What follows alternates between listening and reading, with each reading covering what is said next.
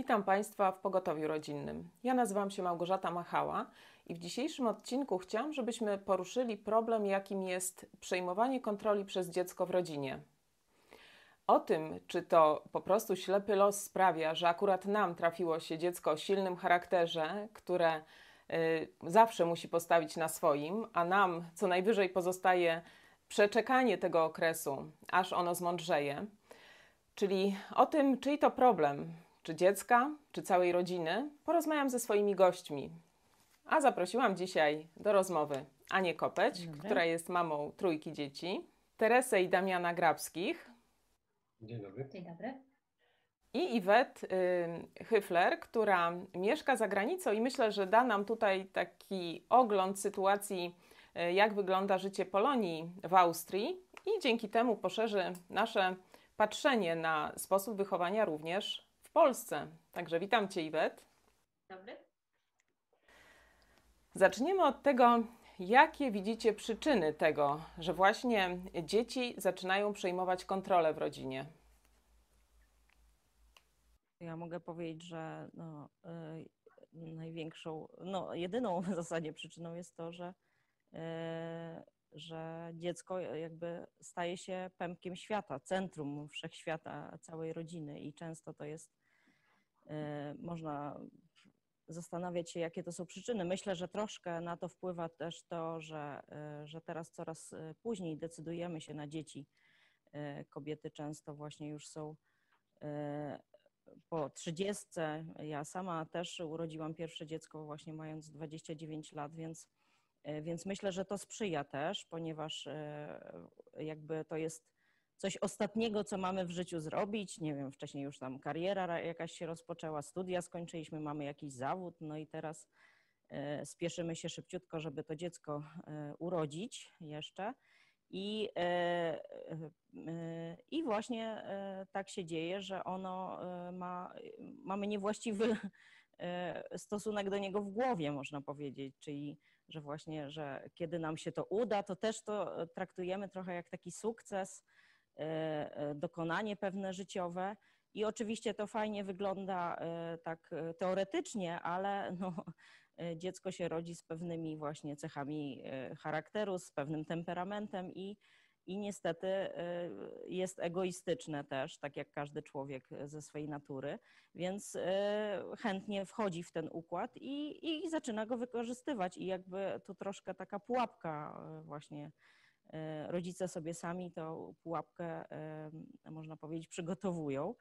Y, ale też myślę, że właśnie też rodzina się cieszy, no bo właśnie wiadomo, że jak wyjdziemy za mąż, no to wszyscy, no kiedy to dziecko, kiedy to dziecko, no i w końcu jak się pojawia, to też dla dziadków staje się pępkiem świata. Także myślę, że, że tu po prostu jest to po pierwsze trochę takie nieprzygotowanie jednak i właśnie traktowanie dziecka jako pewnego dokonania.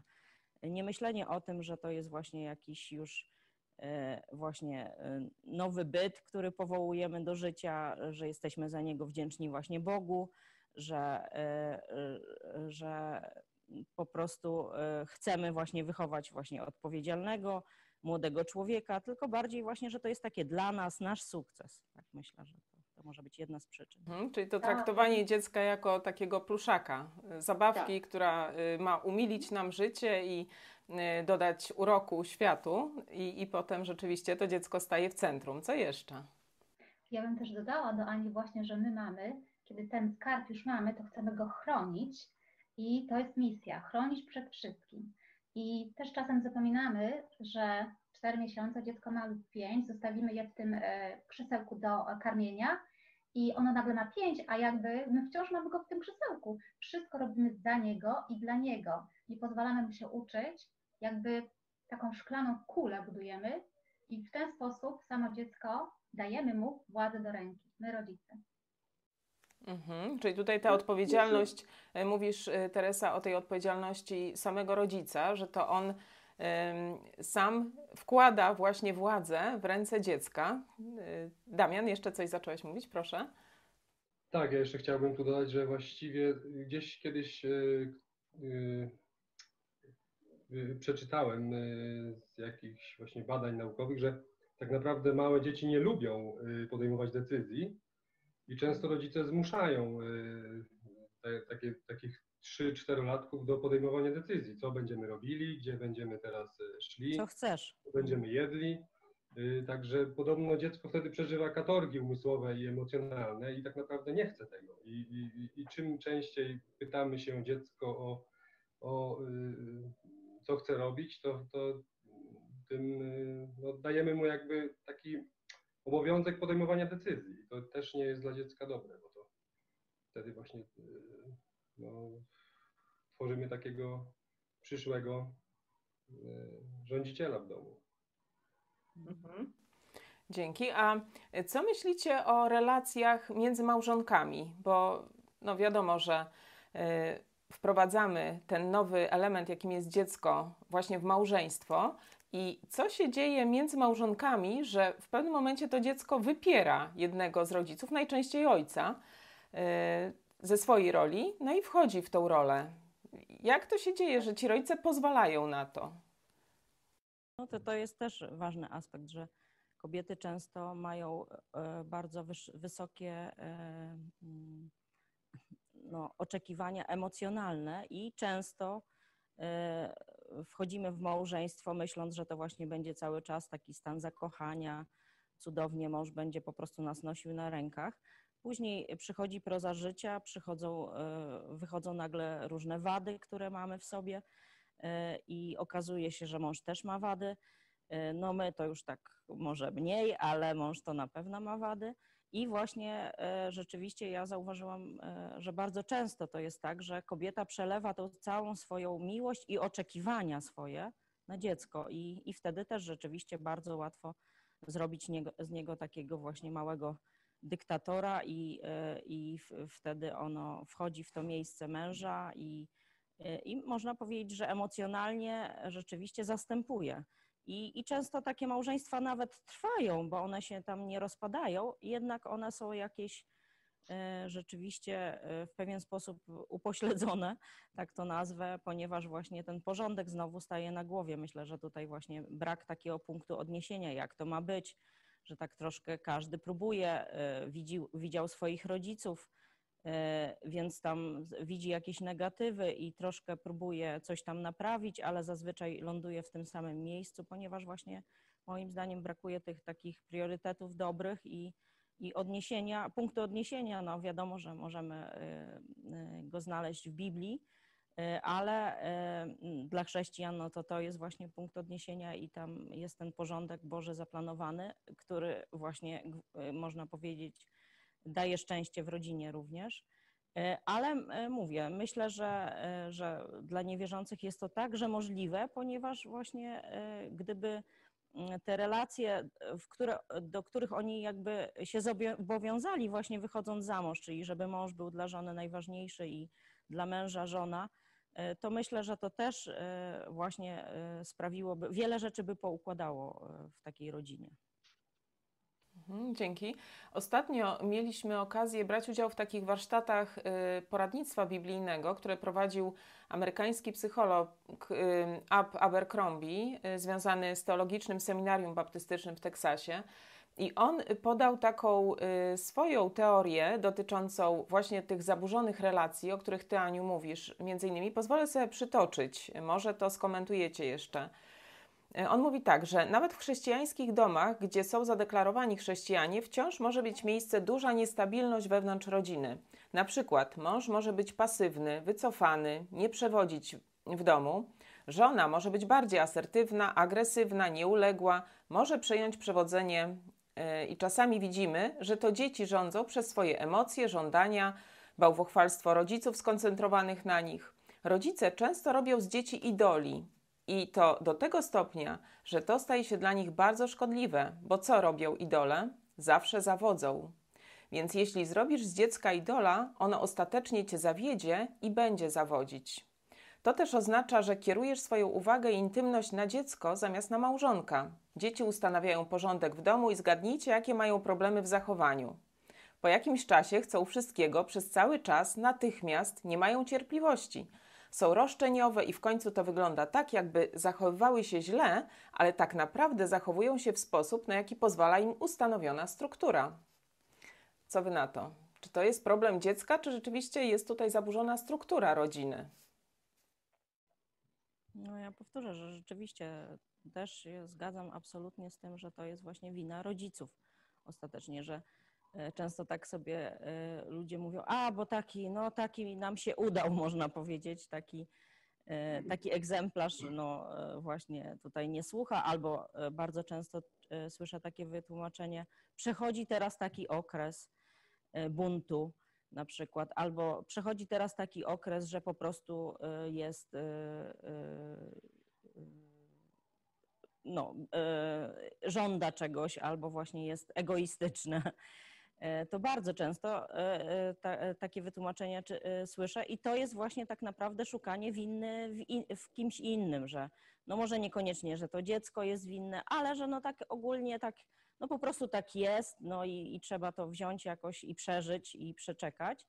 Y, a bardzo rzadko rodzice jednak szukają rzeczywiście tej przyczyny w sobie, y, a to jak widać jest, y, jest główna przyczyna, że i rzeczywiście tutaj często właśnie taki model rodziny u nas jest, że kobiety przejmują tutaj przynajmniej w tej sferze też wychowania dzieci, nawet jeśli tam zachowują jakieś pozory, że niby mąż jest głową rodziny, to często właśnie w dziedzinie wychowania dzieci jednak one przejmują przywództwo i tam męża często e, nie, nie pozwalają mu się nawet odezwać i rzeczywiście to, to, to jest oczywista e, jakby konsekwencja tego, że mąż będzie pasywny, no bo po co ma się wtrącać, jak żona się wszystkim zajmie.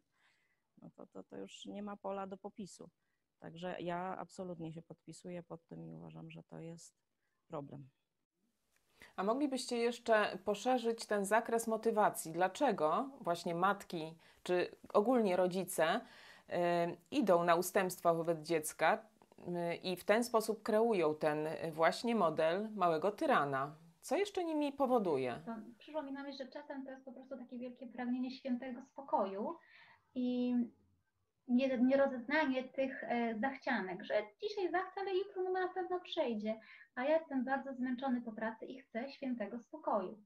Także takie mhm. pobłażanie i nierozeznanie problemu, który urośnie, ponieważ to jest tylko początek koncertu życzeń, którego my nie rozpoznaliśmy. Także e, lenistwo trochę rodziców. Mhm. No i ja bym jeszcze też dołożyła takie poczucie winy trochę, że, że właśnie mm, że są pewne właśnie jednak oczekiwania, my ich trochę nie spełniamy do końca, no właśnie nie wiemy, gdzie te przyczyny są. Y, I tak y, myślimy, że właśnie często na przykład reagujemy na przykład, nie wiem, źle albo właśnie obwiniamy siebie, że że nie, nie poświęcamy tyle czasu, jakbyśmy poświęcili tyle czasu, co tam dziecko według niego potrzebuje na nasz, naszej uwagi, to wtedy by było lepiej. I myślę, że poczucie winy tutaj mm, jest częstą motywacją taką, że a to dobrze, to tam y, ostatnio na przykład właśnie czegoś tam nie zrobiliśmy, coś tam no, nie, nie wydarzyło się, co się miało wydarzyć, no to, to teraz już tam machnę na to ręką, no i niech tak będzie, jak, jak dziecko chce. Także myślę, że to też jest, szczególnie właśnie w takich rodzinach, gdzie mama pracuje, to to, to jest bardzo częsty, bardzo częsta motywacja, właśnie takie poczucie winy. Mhm.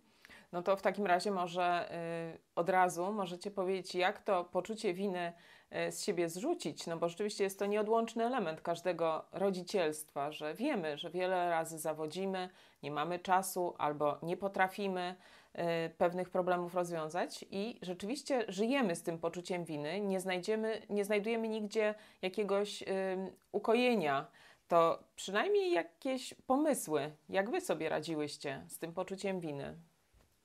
No, ja mogę powiedzieć, że mm, no właśnie ja znajduję takie właśnie pocieszenie w Bogu, że, y, że musiałam uznać po pierwsze, że nie jestem idealna i że nie zrobię wszystkiego idealnie, że jestem ułomna, a mało o tego, że nawet wiele rzeczy zrobię źle. I, i to jest takie y, uwalniające jednak, ale to nie mówię, żeby sobie pobłażać, że a, no, jakoś to będzie, to absolutnie. Myślę, że właśnie trzeba się zastanowić, we, zastanawiać w trakcie tego procesu wychowywania dziecka, wiele razy weryfikować swoje czy poglądy, czy właśnie metody, czy, czy podejście. Więc ja mówię, to na pewno znajdowałam w Bogu pocieszenie i, i w tym, że, że ja mam zrobić wszystko, co w tej chwili mogę, ale i tak można powiedzieć, składam swoje, jakby to, ten ciężar na, na Boga, że On mi dopomoże w tym, ponieważ właśnie mówię, bo ja chcę i, i działam i, i robię co, co, co mogę. Ale mm, na pewno to i tak się pojawia co jakiś czas rzeczywiście i myślę, że właśnie stanąć w prawdzie to jest chyba jedyna jedyna droga, że powiedzieć sobie rzeczywiście, przyznać się do tych błędów, porażek, które ponieśliśmy. Jeśli to wymaga, na przykład, jeżeli to było jakieś takie zaniedbanie, które dziecko już też zauważyło, to uważam, że trzeba się pojednać, przyznać się dziecku, że rzeczywiście tutaj widzisz, pobłażałam w tym i, i teraz masz z tym trudność, że na przykład nie umiesz tego czy tamtego E, czy panować nad sobą, czy właśnie nie umiesz e, e, być wstrzemięźliwy w jakiejś tam dziedzinie. Przyznać się do tego, stanąć w prawdzie, myślę, że to jest naprawdę uwalniające i, i też myślę, że tak nie próbować za wszelką siłę kreować rzeczywistości, to znaczy, że bo właśnie na, często te, to poczucie winy też wynika z tego, że inni ludzie mają jakieś konkretne oczekiwania, jakie nasze dzieci mają być, a jakie mają nie być. I mówię, i trzeba to wziąć pod uwagę, bo może mają rację i rzeczywiście to trzeba rozważyć, ale tak do końca mówię, trzeba się też od tego trochę uwolnić, no bo jednemu się podoba takie dziecko, drugiemu takie. I, I mówię, i przyznać wtedy po prostu w rozmowie, że no masz rację, rzeczywiście tutaj no, pobłażałam swojemu dziecku w tej dziedzinie i dlatego tak jest, masz rację, ale to zauważyłam. E, I po prostu tak nie bronić się na siłę, nie, e, bo myślę, że to wtedy właśnie rzeczywiście powoduje naszą frustrację. No to co my mamy teraz zrobić? No mleko się rozlało, e, jest to zaniedbanie, jest ta cecha, załóżmy, utwierdzona jakaś zła. No to myślę, że trzeba po prostu w takim momencie wręcz podziękować takiej osobie i, i wziąć się za robotę jeszcze dopóki można. Sprawować swoją po prostu rolę dalej wytrwale i, i mówię, i co jakiś czas po prostu korygować kurs. Mhm, dzięki. Tutaj problemem jest często brak czasu, który rodzice sobie wyrzucają, że mają go zawsze za mało, ale ostatnio rozmawiałam z, y, ze znajomą, która zastosowała taką prostą metodę, mianowicie postanowiła, że każdego dnia będzie poświęcała 20 minut takiej skoncentrowanej uwagi swojemu dziecku. I mówi, że no to ją po prostu zaskoczyło, że nie tylko uwolniła się właśnie od tego ciągłego poczucia winy, że ja wiecznie nie mam czasu dla dziecka, tylko teraz już może powiedzieć, że nie no, mam ten czas i rzeczywiście stara się go wykorzystać na takie sensowne rozmowy, na, na jakiś yy, yy, śmiech, na zabawę z tym dzieckiem i no to jest taki jakiś mm, element, myślę, tej, tej całej yy, układanki, o której Ty też, Aniu, mówisz, że że właśnie rodzic musi przestać się obwiniać, a zacząć coś stosować, jakąś metodę, może nawet właśnie taką metodę małych kroków, jakimi jest te 20 minut dziennie, z, tylko ze swoim dzieckiem.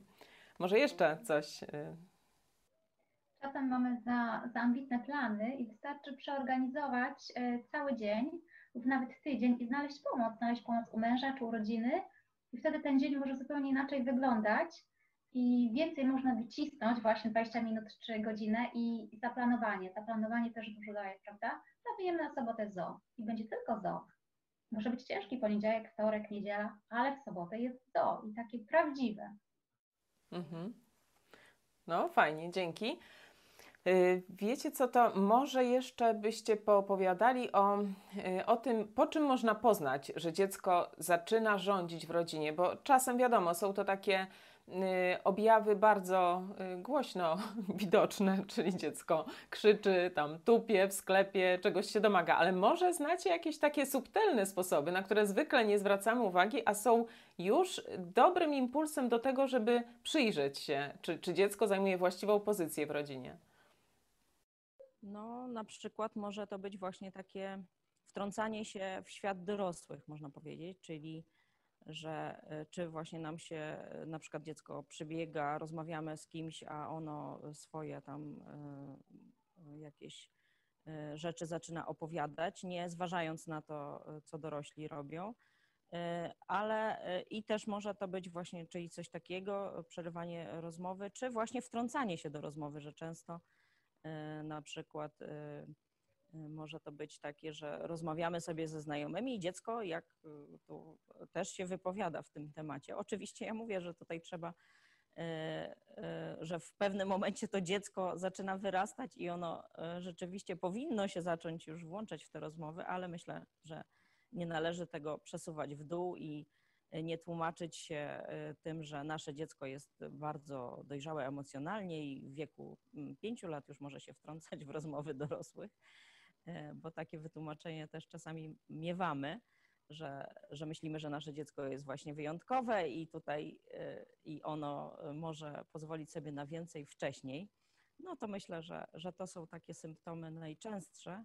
A co myślicie o sytuacji, kiedy e, dziecko jest właśnie takie przymocowane do rodzica i pod żadnym pozorem nie chce go puścić, niezależnie od wieku? To ma najpierw roczek, potem dwa, potem trzy, a potem i Y, sypia z rodzicami i po prostu mama ciągle tłumaczy, że ono potrzebuje coraz więcej emocji, coraz więcej miłości i, i ta mama musi mu dostarczać tych kolejnych przytuleń, pogłasków, całusków i, i to dziecko trzyma się tylko spódnicy. Czy to jest rzeczywiście przejaw takiej zdrowej miłości rodzicielskiej i vice versa, czy, czy to jednak jest jakiś problem? No na pewno to jest problem. Myślę, że to jest właśnie e, jednak to, że dziecko czuje się e, no, ważniejsze od taty na przykład, prawda? Bo często takie dzieci też mają problem, że tata się przytula do mamy.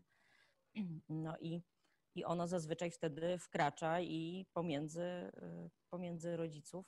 Dobrze jest, jak się przytula, że tak powiem, razem z nimi, ale gorzej, jak jest właśnie, że odpycha często drugiego rodzica, więc więc myślę, że rzeczywiście ta taka e, uwiązanie emocjonalne e, za, za, za duże, to też jest właśnie rzeczywiście taki objaw tego, że, że dziecko stało się centrum i ono po prostu będzie się stawało coraz bardziej egoistyczne, bo taka jest, takie są fakty. To pamiętam, że swego czasu, kilka lat temu na pewno, ale E, to już jak ja miałam dzieci małe, to wchodziło coś takiego jak to rodzicielstwo e, bliskości, a może nawet jeszcze i wcześniej, bo sobie przypominam, rzeczywiście, kiedy moja siostra dużo ode mnie starsza miała dzieci, to też to już gdzieś tam e, królowało.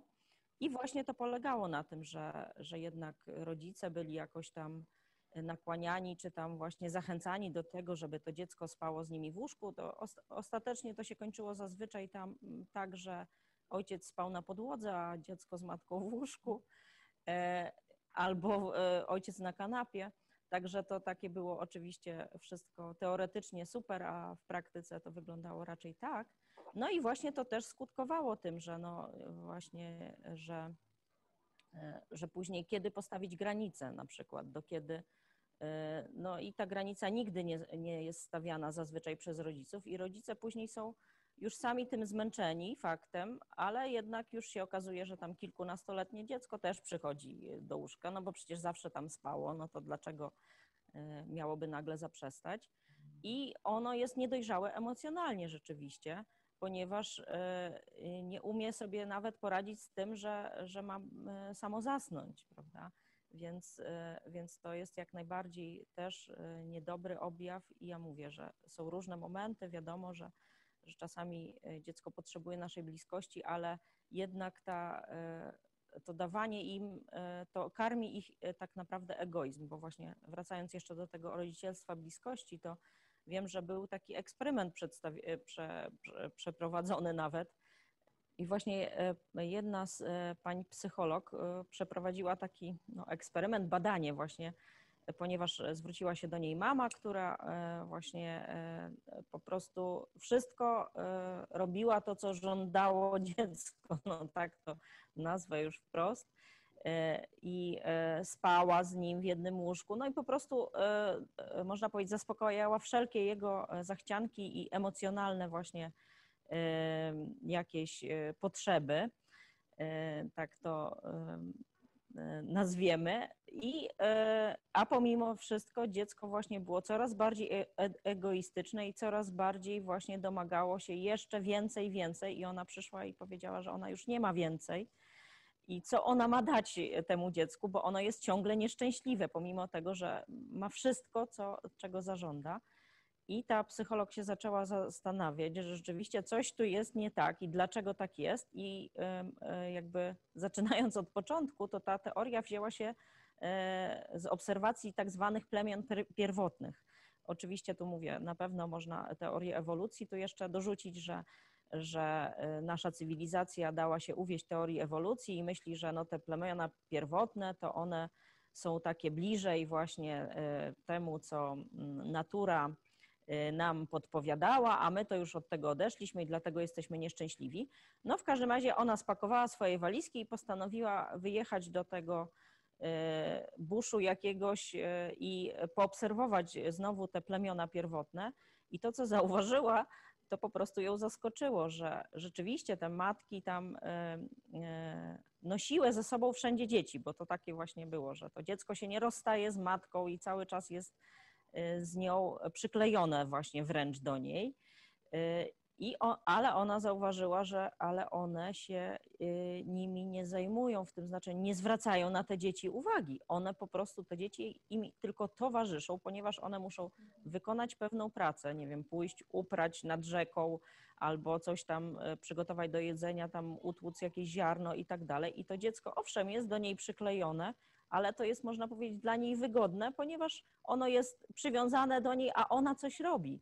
Więc punkt koncentracji w ogóle nie jest na dziecku i ona dopiero wtedy zrozumiała, że właśnie to jest błąd, że, że ten punkt koncentracji wcale nie powinien być na dziecku. Ono ma, y, oczywiście to nie znaczy, że mamy nie zwracać na niego uwagi, absolutnie to tak nie twierdzę, y, wręcz przeciwnie, ale ono ma być po prostu częścią rodziny, a nie pępkiem tej rodziny, prawda? I, i wróciła i dopiero zweryfikowała swoje poglądy i, i zobaczyła właśnie, e, no mówię, to, to po prostu kobieta, świecki psycholog doszła do, do tych samych wniosków, które Biblia mówi, e, że, że właśnie, że to rodzina, dziecko się rodzi w rodzinie i w rodzinie dziecko ma dopiero poczucie bezpieczeństwa i odpowiednie środowisko do, e, do wzrastania, a nie co ja chcę i jestem tu sam dla siebie, a inni to mi tylko mogą służyć, czy coś takiego. No, no niestety to wtedy, no to pomyślmy sobie, no nie jest to trudna zagadka, co z takiego człowieka wyrośnie. Mhm. Tak, o rodzicielstwie bliskości y, jest nagrane pogotowie rodzinne. Ono jest chyba pod tytułem y, Rodzicielstwo bliskości, co oferuje i czym skutkuje. Także oczywiście zachęcam Państwa do y, obejrzenia tego odcinka. Natomiast przejdźmy w takim razie do tego, jak struktura rodziny wpływa na to, jak jest wychowywane dziecko. I tutaj szczególnie ciekawi mnie takie Wasze obserwacje związane z życiem za granicą. Zarówno Iwet, która mieszka w Austrii, jak i Damian i Teresa, Wy znowu mieszkaliście w Anglii przez kilka ładnych lat. Gdybyście mogli powiedzieć, jak wygląda tamto życie rodzinne? co wpływa właściwie na, y, na to, że jest określona struktura rodzinna? No, w Anglii y, teraz w ostatnich kilkudziesięciu, można powiedzieć ostatnich 30 latach y, potroiła się y, liczba rodziców samotnie wychowujących dzieci. I y, no, to jest przyczyną tego y, było, jest też zachęcanie ze strony państwa do tego, że y, no, są wysokie jakby benefity z tego powodu, y, wysokie dotacje. Y, wywalczyły to właśnie znane feministki w polityce, celebrytki, które uważały, że mężczyzna i ojciec w domu nie jest potrzebny. No i, i okazało się, że no, wiele kobiet z tego skorzystało. No, jeszcze właśnie to jest już taka moja myśl, że niektórzy z tych ojców, którzy tak łatwo opuszczają te, te, te rodziny, no prawdopodobnie gdyby y, mieli świadomość tego, że ta matka zostanie bez środków do życia, to tego by nie zrobili. Ale no, skoro ona ma dostać, y, ona ma, można powiedzieć, finansowo będzie miała lepiej niż do tej pory, to znaczy to, co, co mnie tu trzyma i, i bardzo łatwo jest takiemu mężczyźnie dom opuścić, zamiast próbować na przykład naprawiać to małżeństwo. Dużo jest też właśnie takich rodzin patchworkowych, że e, no jest y, matka, dzieci przeważnie zostają z matką, ale, ale y, ojcowie się zmieniają. Ojcowie się zmieniają. Y, no jest takie powiedzenie, taki żart w Anglii, że najlepiej to być matką samotnie wychowującą czwórkę dzieci, z czego wszystkie z, najlepiej mieć z innymi ojcami. Także no tutaj y, to już jest, y, wyrosło takie, można powiedzieć, pokolenie. Y, już dorośli ludzie właśnie teraz zamieszkują Wielką Brytanię, pochodzący z takich właśnie rodzin i no niestety no, popadają w różne nałogi. Ich zachowanie wystarczy pójść gdzieś tam na, na miasto po godzinie 21 i zobaczyć, jak ta młodzież się tam zachowuje. No. Także no, jest to taki, jeszcze demografowie szacują, że jeżeli to potrwa taki, mm, jeżeli w tym tempie będzie właśnie wzrastała liczba y, samot, rodziców samotnie wychowujących dzieci, to za jakieś 15 lat dojdzie do tego, że będzie ich więcej niż rodziców, niż dzieci wychowywanych w tradycyjnych rodzinach. No jest to niepokojące. A jest też nawet taki pomnik w Birmingham, pomnik są dwie panie, które trzymają dwójkę dzieci za rękę. Jedna z pań jest w ciąży i ten pomnik jest nazwany Prawdziwa rodzina Birmingham, że dwie siostry razem wychowują swoje, swoje dzieci. No, tak jest w Anglii. Generalnie w Anglii kładzie się nacisk na takie bezstresowe, partnerskie wychowanie. Tak jest w Anglii. To powiedzcie tylko o takich obserwacjach dotyczących już tych dzieci. Jak one się zachowują? W jaki sposób E, udaje się rodzicom e, wpływać na nich? Na lotnisku, jeżeli jakieś dziecko płacze, no to, to jest to dziecko cudzoziemców, ponieważ e, angielskie dzieci raczej nie są dyscyplinowane, upominane. Raczej się prowadzi rozmowy. Dzisiaj źle wybrało, ale jutro dobrze wybierze, kiedy porozmawiamy. W takim sposobie się to traktuje. Dzieci dużo czasu spędzają poza domem, kiedy dziecko ma 3 lata, już może pójść na 15 godzin tygodniowo do przedszkola, a nawet 30.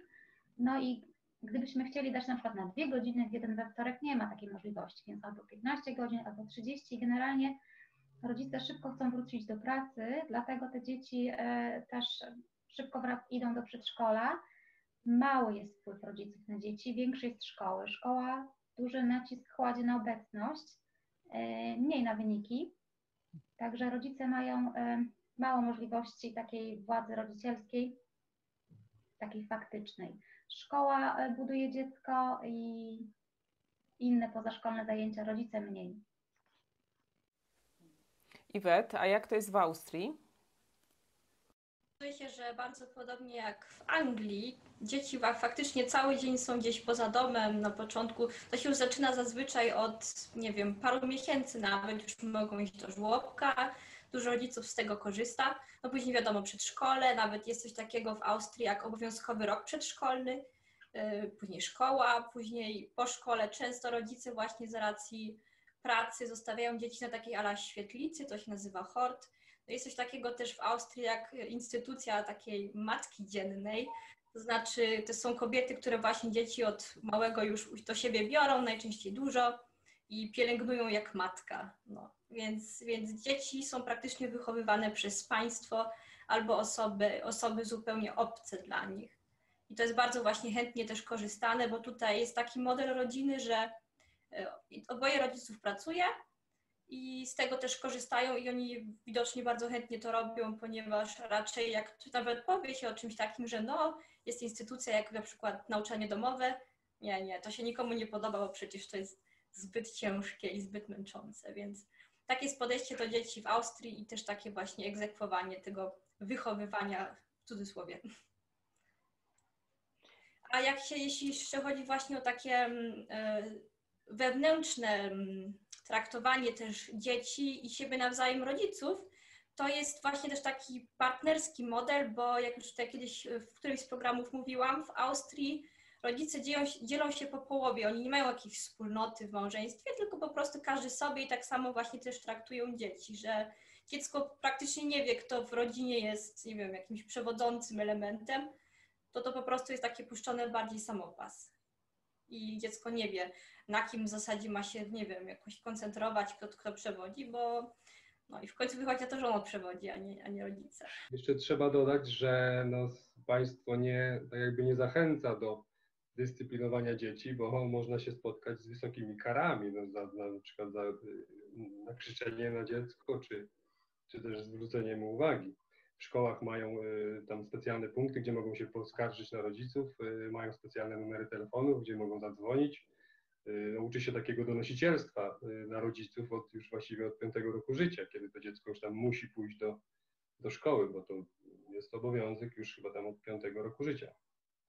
E, właśnie a propos takiego donosicielstwa też, e, właśnie w związku z tym obowiązkowym rokiem przedszkolnym, to mam znajomych, którzy właśnie ten taki konserwatywny, tradycyjny model wychowywania stosują i oni mieli straszne problemy, ponieważ państwo wzywało je już, Jezu, ich tam na jakieś wywiady i rozmowy kilka razy, e, urząd, ponieważ no jak to jest, że dziecko mając tam 4 latka jeszcze nie było w przedszkolu, no i oni mieli naprawdę wielkie problemy i tylko dlatego, że mają jakieś tam podłoże pedagogiczne, studiowali pedagogikę, to w końcu łaskawie państwo zgodziło się na to, że dziecko może zostać w domu i nie iść do przedszkola.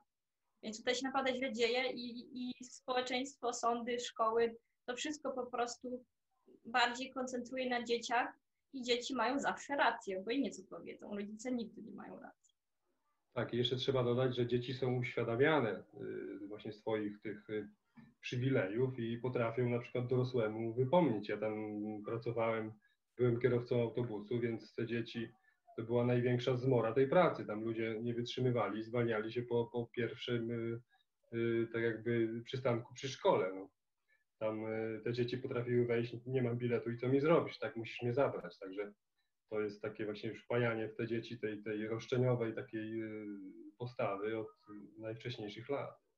Tak, ale wiele osób, a nawet psychologia często idzie w tą stronę, żeby pokazywać, że właśnie od, od, najmłodszych lat trzeba dziecku pozwolić na to, żeby ono decydowało. Ono się musi nauczyć tego, żeby właśnie samo stanowić o sobie, więc e, gdy ma już kilka lat, dajemy mu wybór. Wszystko, cokolwiek chce, to, to on musi wybierać, czy zje to, czy tamto, czy się ubierze w to, czy tamto, że ma cały czas prawo do tego, żeby sam o sobie stanowić i no powiedzcie, jakie macie obserwacje, do czego to prowadzi? Czy rzeczywiście dzieci są bardziej takie samodzielne, odpowiedzialne za siebie dzięki temu?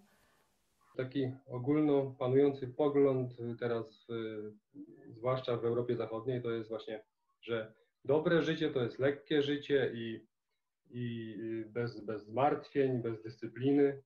I mm, tak właśnie zawsze mnie y, zastanawiało, że y, jeszcze zanim zostałem chrześcijaninem, właśnie spotykałem się z rodzinami chrześcijańskimi, że te dzieci chrześcijańskie, pomimo tego, że są właśnie tak mocno dyscyplinowane, znają swoje bariery, y, granice i, i, też czasami no, są zajmowane ciężką pracą, to jednak te dzieci wydawały się zawsze szczęśliwsze niż te właśnie takie po, po pozostawione sobie, y, robiące sobie ze swoim czasem, co tam chcą.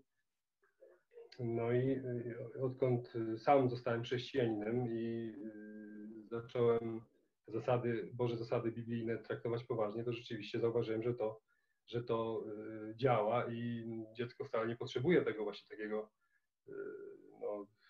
zajmowania się sobą. Ono, ono wręcz potrzebuje tej dyscypliny i jest wtedy y, szczęśliwsze.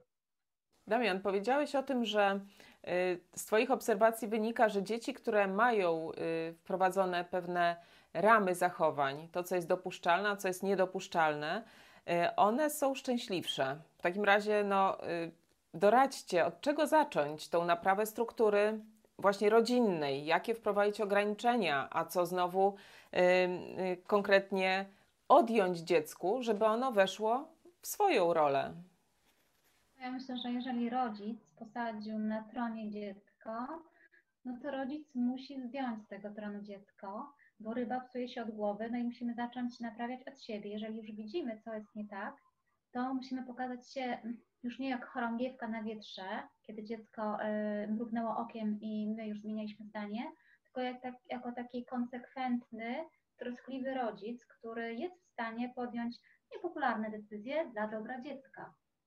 I porządek w domu, gdzie oboje rodzice, gdzie jest tata, potem jest mama, potem jest dziecko i konsekwentnie to będzie ciężko, ponieważ na pewno nazbierało się, nabruździło, a kiedy dziecko zobaczy naszą miłość i konsekwencje, to on doceni zmiany. No i jeszcze trzeba zdjąć e, odpowiedzialność trzecich osób, za, za którą no nie wiem, mo, mo, można było obarczać wcześniej to, że dziecko jest takie, e, a nie inne, że po prostu trzeba przyjąć na siebie tą odpowiedzialność.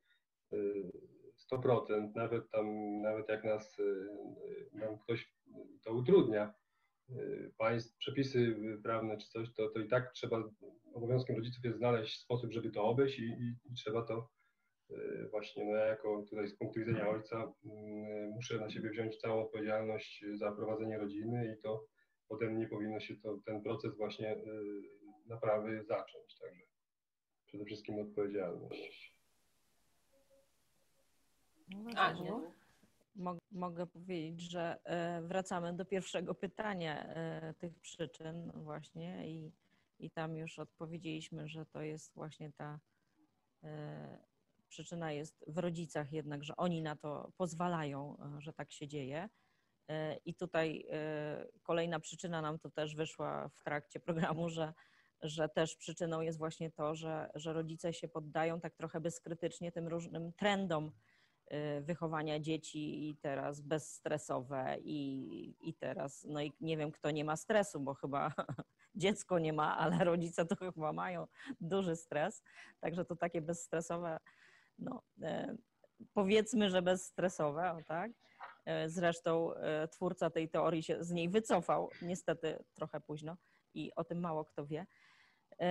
W każdym razie e, i właśnie e, takie poddawanie się, takie troszkę mm, presji takiej, e, co właśnie władza od nas chce, co, co inni znajomi robią, że to my musimy mieć jakiś pomysł na, na to, jak nasza rodzina ma wyglądać. No, po to ją zakładamy, nie po to, żeby właśnie się rozmnażać, tylko po to, żeby wychować te dzieci i żeby właśnie też e, je wzmocnić, żeby wychować jakichś odpowiedzialnych, a nie takich właśnie egoistycznych dorosłych, którzy właśnie, jak widać e, tutaj z tych przykładów, które podawaliście, e, właśnie za granicą jest bardzo źle pod tym względem, ponieważ właśnie już taki kilkulatek potrafi powiedzieć kierowcy autobusu, że on biletu to, to nie ma i w ogóle nie ma zamiaru kupować i co mu zrobisz.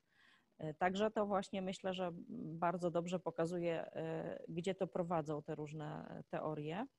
E, ale jeszcze tak chciałam nawiązać właśnie do rodziców za granicą, że właśnie też tak, taką miałam obserwację z opowieści różnych, które słyszę, że często jest taki mm, model, że rodzice właśnie Polacy wyjeżdżają za granicę, słabo znają angielski, wysyłają swoje dzieci do angielskiej szkoły, no nie tylko angielskie, no dobrze, do y, tutaj, y, tamtejszej szkoły, dzieci zaczynają mówić w języku y, tego kraju i przestają się porozumiewać z rodzicami, ponieważ właśnie rodzice sami kiepsko mówią w tym języku, oni umieją świetnie ten język i można powiedzieć, sami rodzice im dostarczają takiego narzędzia do tego, żeby dzieci się przeciwko nim samym buntowały ponieważ właśnie nie dbają o to, żeby dzieci mówiły po polsku i żeby w rodzinie się mówiło tylko po polsku, to już nie wspomnę o nawet o takich patriotycznych względach, że to jest po prostu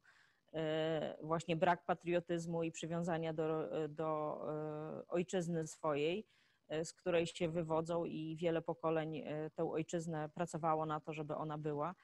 No tak się stało, że rodzice teraz mogli, musieli wyjechać, no ale jednak ta tożsamość narodowa powinna być przekazywana, no bo te dzieci y, będą i tak się w jakiś sposób różnić już w tej kulturze, więc dobrze by wiedziały, dlaczego się różnią w różnych aspektach. E, a mówię, a tutaj jakby rodzice e, trochę sobie robią sami krzywdę, właśnie doprowadzając do tego, że dziecko mówi w języku, w którym oni się nie mogą z nim porozumieć. No to, to naprawdę bardzo niepokojące i mówię, i spotkałam się z wieloma takimi przypadkami i myślę, że tu Polaków mogę zaapelować do Was, że nawet z tego względu, nawet tylko dlatego, żeby móc się dogadać z własnym dzieckiem, i, i, i zrozumieć je i, i móc y, y, z nim porozmawiać normalnie, to, to warto kultywować ten język narodowy albo właśnie y, myśleć o tym, żeby jednak poznać ten język i, i coś zrobić, no właśnie. Nie, nie skazywać się na takie właśnie płynięcie z prądem, no, pod prąd. No, ciekawe. Tutaj wydaje się rodzicom często, że wyposażą dziecko w coś lepszego, czyli na przykład w znajomość y, obcego języka, i to się może również obrócić przeciwko nim. No to, to jest y, taki fenomen y, rzeczywiście, który coraz bardziej jest powszechny, ale dzięki Aniu, bo mówię, na ten aspekt rzadko kiedy zwraca się uwagę, gdy się wyjeżdża za granicę. A potem już się tylko zbiera takie smutne żniwo takiego Mm, beztroskiego podejścia albo braku przewidywania bardziej, czym to może zaowocować. Ale jeszcze chciałam nawiązać do tego, co Ty, Teresa, mówiłaś, że y, żeby reagować, gdy dziecko zrobi coś złego. Natomiast nie wiem, czy spotkaliście się z tym y, takim zaleceniem, żeby właśnie raczej udawać, że się nie widzi, że dziecko robi coś złego, to ono wtedy powoli samo nabierze rozumu i, i postanowi porzucić swoje złe zachowanie, a rodzic nie będzie się niepotrzebnie denerwował. Co o tym myślicie? Mi się przypomniało takie powiedzenie, czego Jaś się nie nauczy, tego Jan nie będzie umiał, a dziecko samo nie wymyśli wzorów, jeżeli my mu nie pokażemy. Także no, z kosmosu nie można oczekiwać, że dziecko wymyśli dobry wzór. Każdy zawód wymaga trochę pracy, nauki. No, zazwyczaj 4 lata albo 5 uczymy się do jakiegoś zawodu, także od małego dziecka nie możemy wymagać, że podejmie dobrą decyzję. No, no jak? No dobrze, to y, powiedzcie jeszcze, może tak spróbujemy przestraszyć trochę rodziców, którzy y, póki co mają jeszcze małe dzieci jeszcze mogą coś zrobić, to spróbujmy nakreślić takie skutki, zarówno w dzieciństwie, jak i później w tym dorosłym życiu, dla tych dzieci, które są y, pozostawiane same sobie, żeby właśnie szły w tą stronę brylowania i przejmowania kontroli w rodzinie, do czego je wychowujemy, jaki skutek będziemy mieli. Może ja zacznę. No, jest to inwestycja na y, przyszłość, bo przecież musimy dziecko jakoś wprowadzić do dorosłego życia. Jeżeli będziemy mu ciągle pobłażać i, i, i w rodzinie, to on, ono w końcu y, przejdzie do tego samodzielnego życia, do świata, gdzie raczej mu tam nikt pobłażać nie będzie. Poza tym no, musimy wychować też człowieka, który nie będzie egoistyczny i bo być może będziemy potrzebowali od niego y, czy od niej pomocy przyszłości, kiedy będziemy już starzy. No i wtedy e, będziemy mieli z tym problem, kiedy nasze dziecko nie będzie potrafiło się zająć inną osobą, tylko, tylko samym sobą. Mhm, dzięki. Tak, ja jeszcze dodałabym, że y, ile kobiet jest nieszczęśliwych z tego powodu, że uważają, że właśnie mężczyźni są egoistyczni, y, nie wiem, właśnie myślą tylko o sobie, nie potra- właśnie nie zajmują się rodziną, a właśnie sami wychowujemy taki, to ktoś wychował tych mężczyzn w ten sposób. E, prawda? Ale oczywiście ja bym nie ograniczała tylko do mężczyzn, tylko właśnie zazwyczaj to jest taki, można powiedzieć, e, stereotyp, no a właśnie mówię, ale skąd on się wziął? Ktoś wychował takich mężczyzn egoistycznych, tak?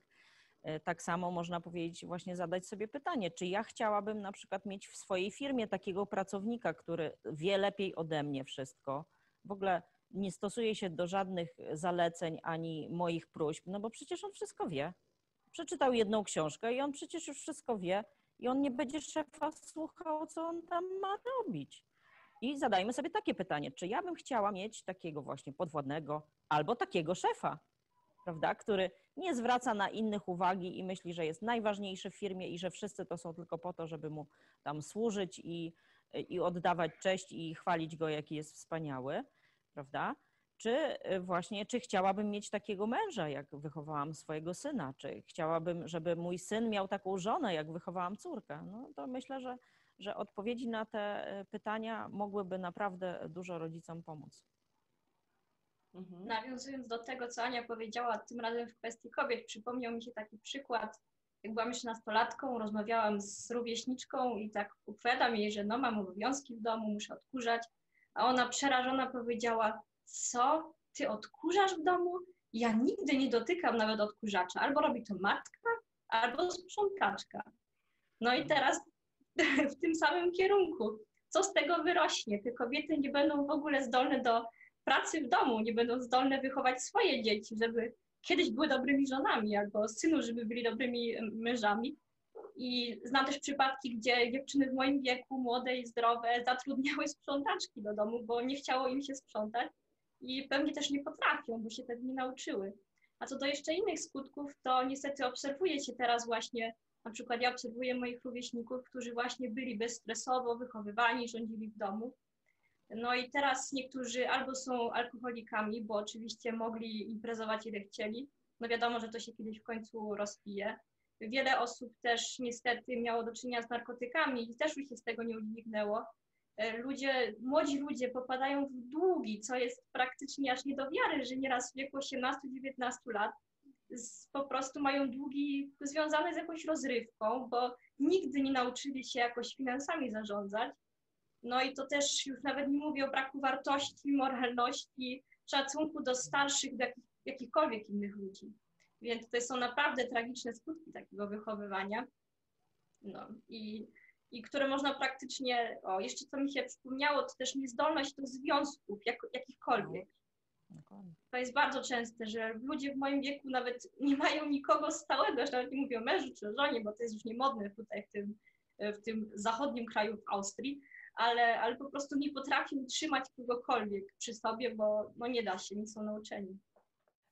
To na koniec jeszcze takie pytanie, czy myślicie, że to prawda, że ludzie psują swoje dzieci z miłości? I że to je usprawiedliwia. To, to często matki mówią, bo ja tak bardzo go kocham i dlatego y, daję mu to czy tamto i nie mogę postawić y, barier czy granic. No ja bym nie myliła e, miłości z egoizmem jednak, ponieważ właśnie gdyby to była miłość, no to miłość to jest tak, e, objawia się tym, że chcemy dla tej osoby dobrze. No a teraz, jeżeli wychowamy takiego właśnie małego tyrana, e, czyli właśnie osobę, która kompletnie nie wie, do czego służy odkurzacz albo nie wiem skąd się bierze marchewka, to, y, to, to ja obawiam się, że ona będzie nieszczęśliwa przez całe życie, bo y, można powiedzieć takie ostrzeżenie dla, dla rodziców, że jeżeli my nie wychowamy swoich dzieci, to niestety świat je wychowa i właśnie pójdą kiedyś do pracy, okaże się, że y, pracodawca musi ich wychowywać. Oby takiego znaleźli, bo często jest tak, że nie będzie mógł znaleźć pracy żadnej. No i teraz właśnie zastanówmy się, czy to jest miłość, czy to jest właśnie jednak taki egoistyczne zaspokojanie swoich jakichś takich emocjonalnych, że ja jestem szczęśliwa, bo swojemu dziecku dam wszystko, co sobie zamarzyło, czy jednak y, właśnie, y, czy to jest miłość? No to nie jest miłość, bo miłość to, to jest właśnie wychowanie takiego odpowiedzialnego dorosłego, żeby inni mieli radość z przebywania z nim, a nie opędzali się od niego. To, co Iwet wspomniała, że że często takie dzieci sięgają po alkohol, czy właśnie, bo one nie potrafią niczego zbudować w życiu, bo y, czują się nieszczęśliwe, bo właśnie wszyscy ich odtrącają, bo są jakieś dziwne, bo, bo, bo właśnie nic im nie można tam powiedzieć, niczego nie umieją zrobić i, i w ogóle nie pasują do, do, do niczego. Także nawet pracy nie mogą znaleźć. Więc y, no myślę właśnie, że tu trzeba zweryfikować, co to jest ta miłość, że miłość to jest właśnie patrzenie w dal, a nie patrzenie tu, teraz, byleby mi było dobrze, no to właśnie mówię, to jest jednak egoizm, bo myślę, że to wtedy e, takie matki myślą o sobie, żeby im było przyjemnie, żeby było przyjemnie teraz, a nie myślą, co będzie za 20 lat czy, czy za 30 y, i gdzie tak naprawdę prowadzą, że w przepaść prowadzą te swoje dzieci. Mhm. No dzięki. E, bardzo Wam dziękuję za te wszystkie myśli, obserwacje, przestrogi. E, myślę, że na koniec warto sobie po prostu przypomnieć, że ta władza rodzicielska jest czymś, co jest nam dane. Mamy taki przywilej, żebyśmy to my właśnie, konkretni rodzice, wychowali te konkretne dzieci, które mamy w swojej rodzinie. Także mamy y, ogromny wpływ i myślę, że musimy przestać się bać tego wpływu używać. Także Państwu oczywiście tego bardzo życzę. Yy, I zachęcam do komentowania, do zadawania pytań. Być może ten wątek jeszcze pociągniemy w kolejnych odcinkach. Także na dzisiaj bardzo Państwu dziękuję, moim gościom również i do zobaczenia za tydzień. Do widzenia.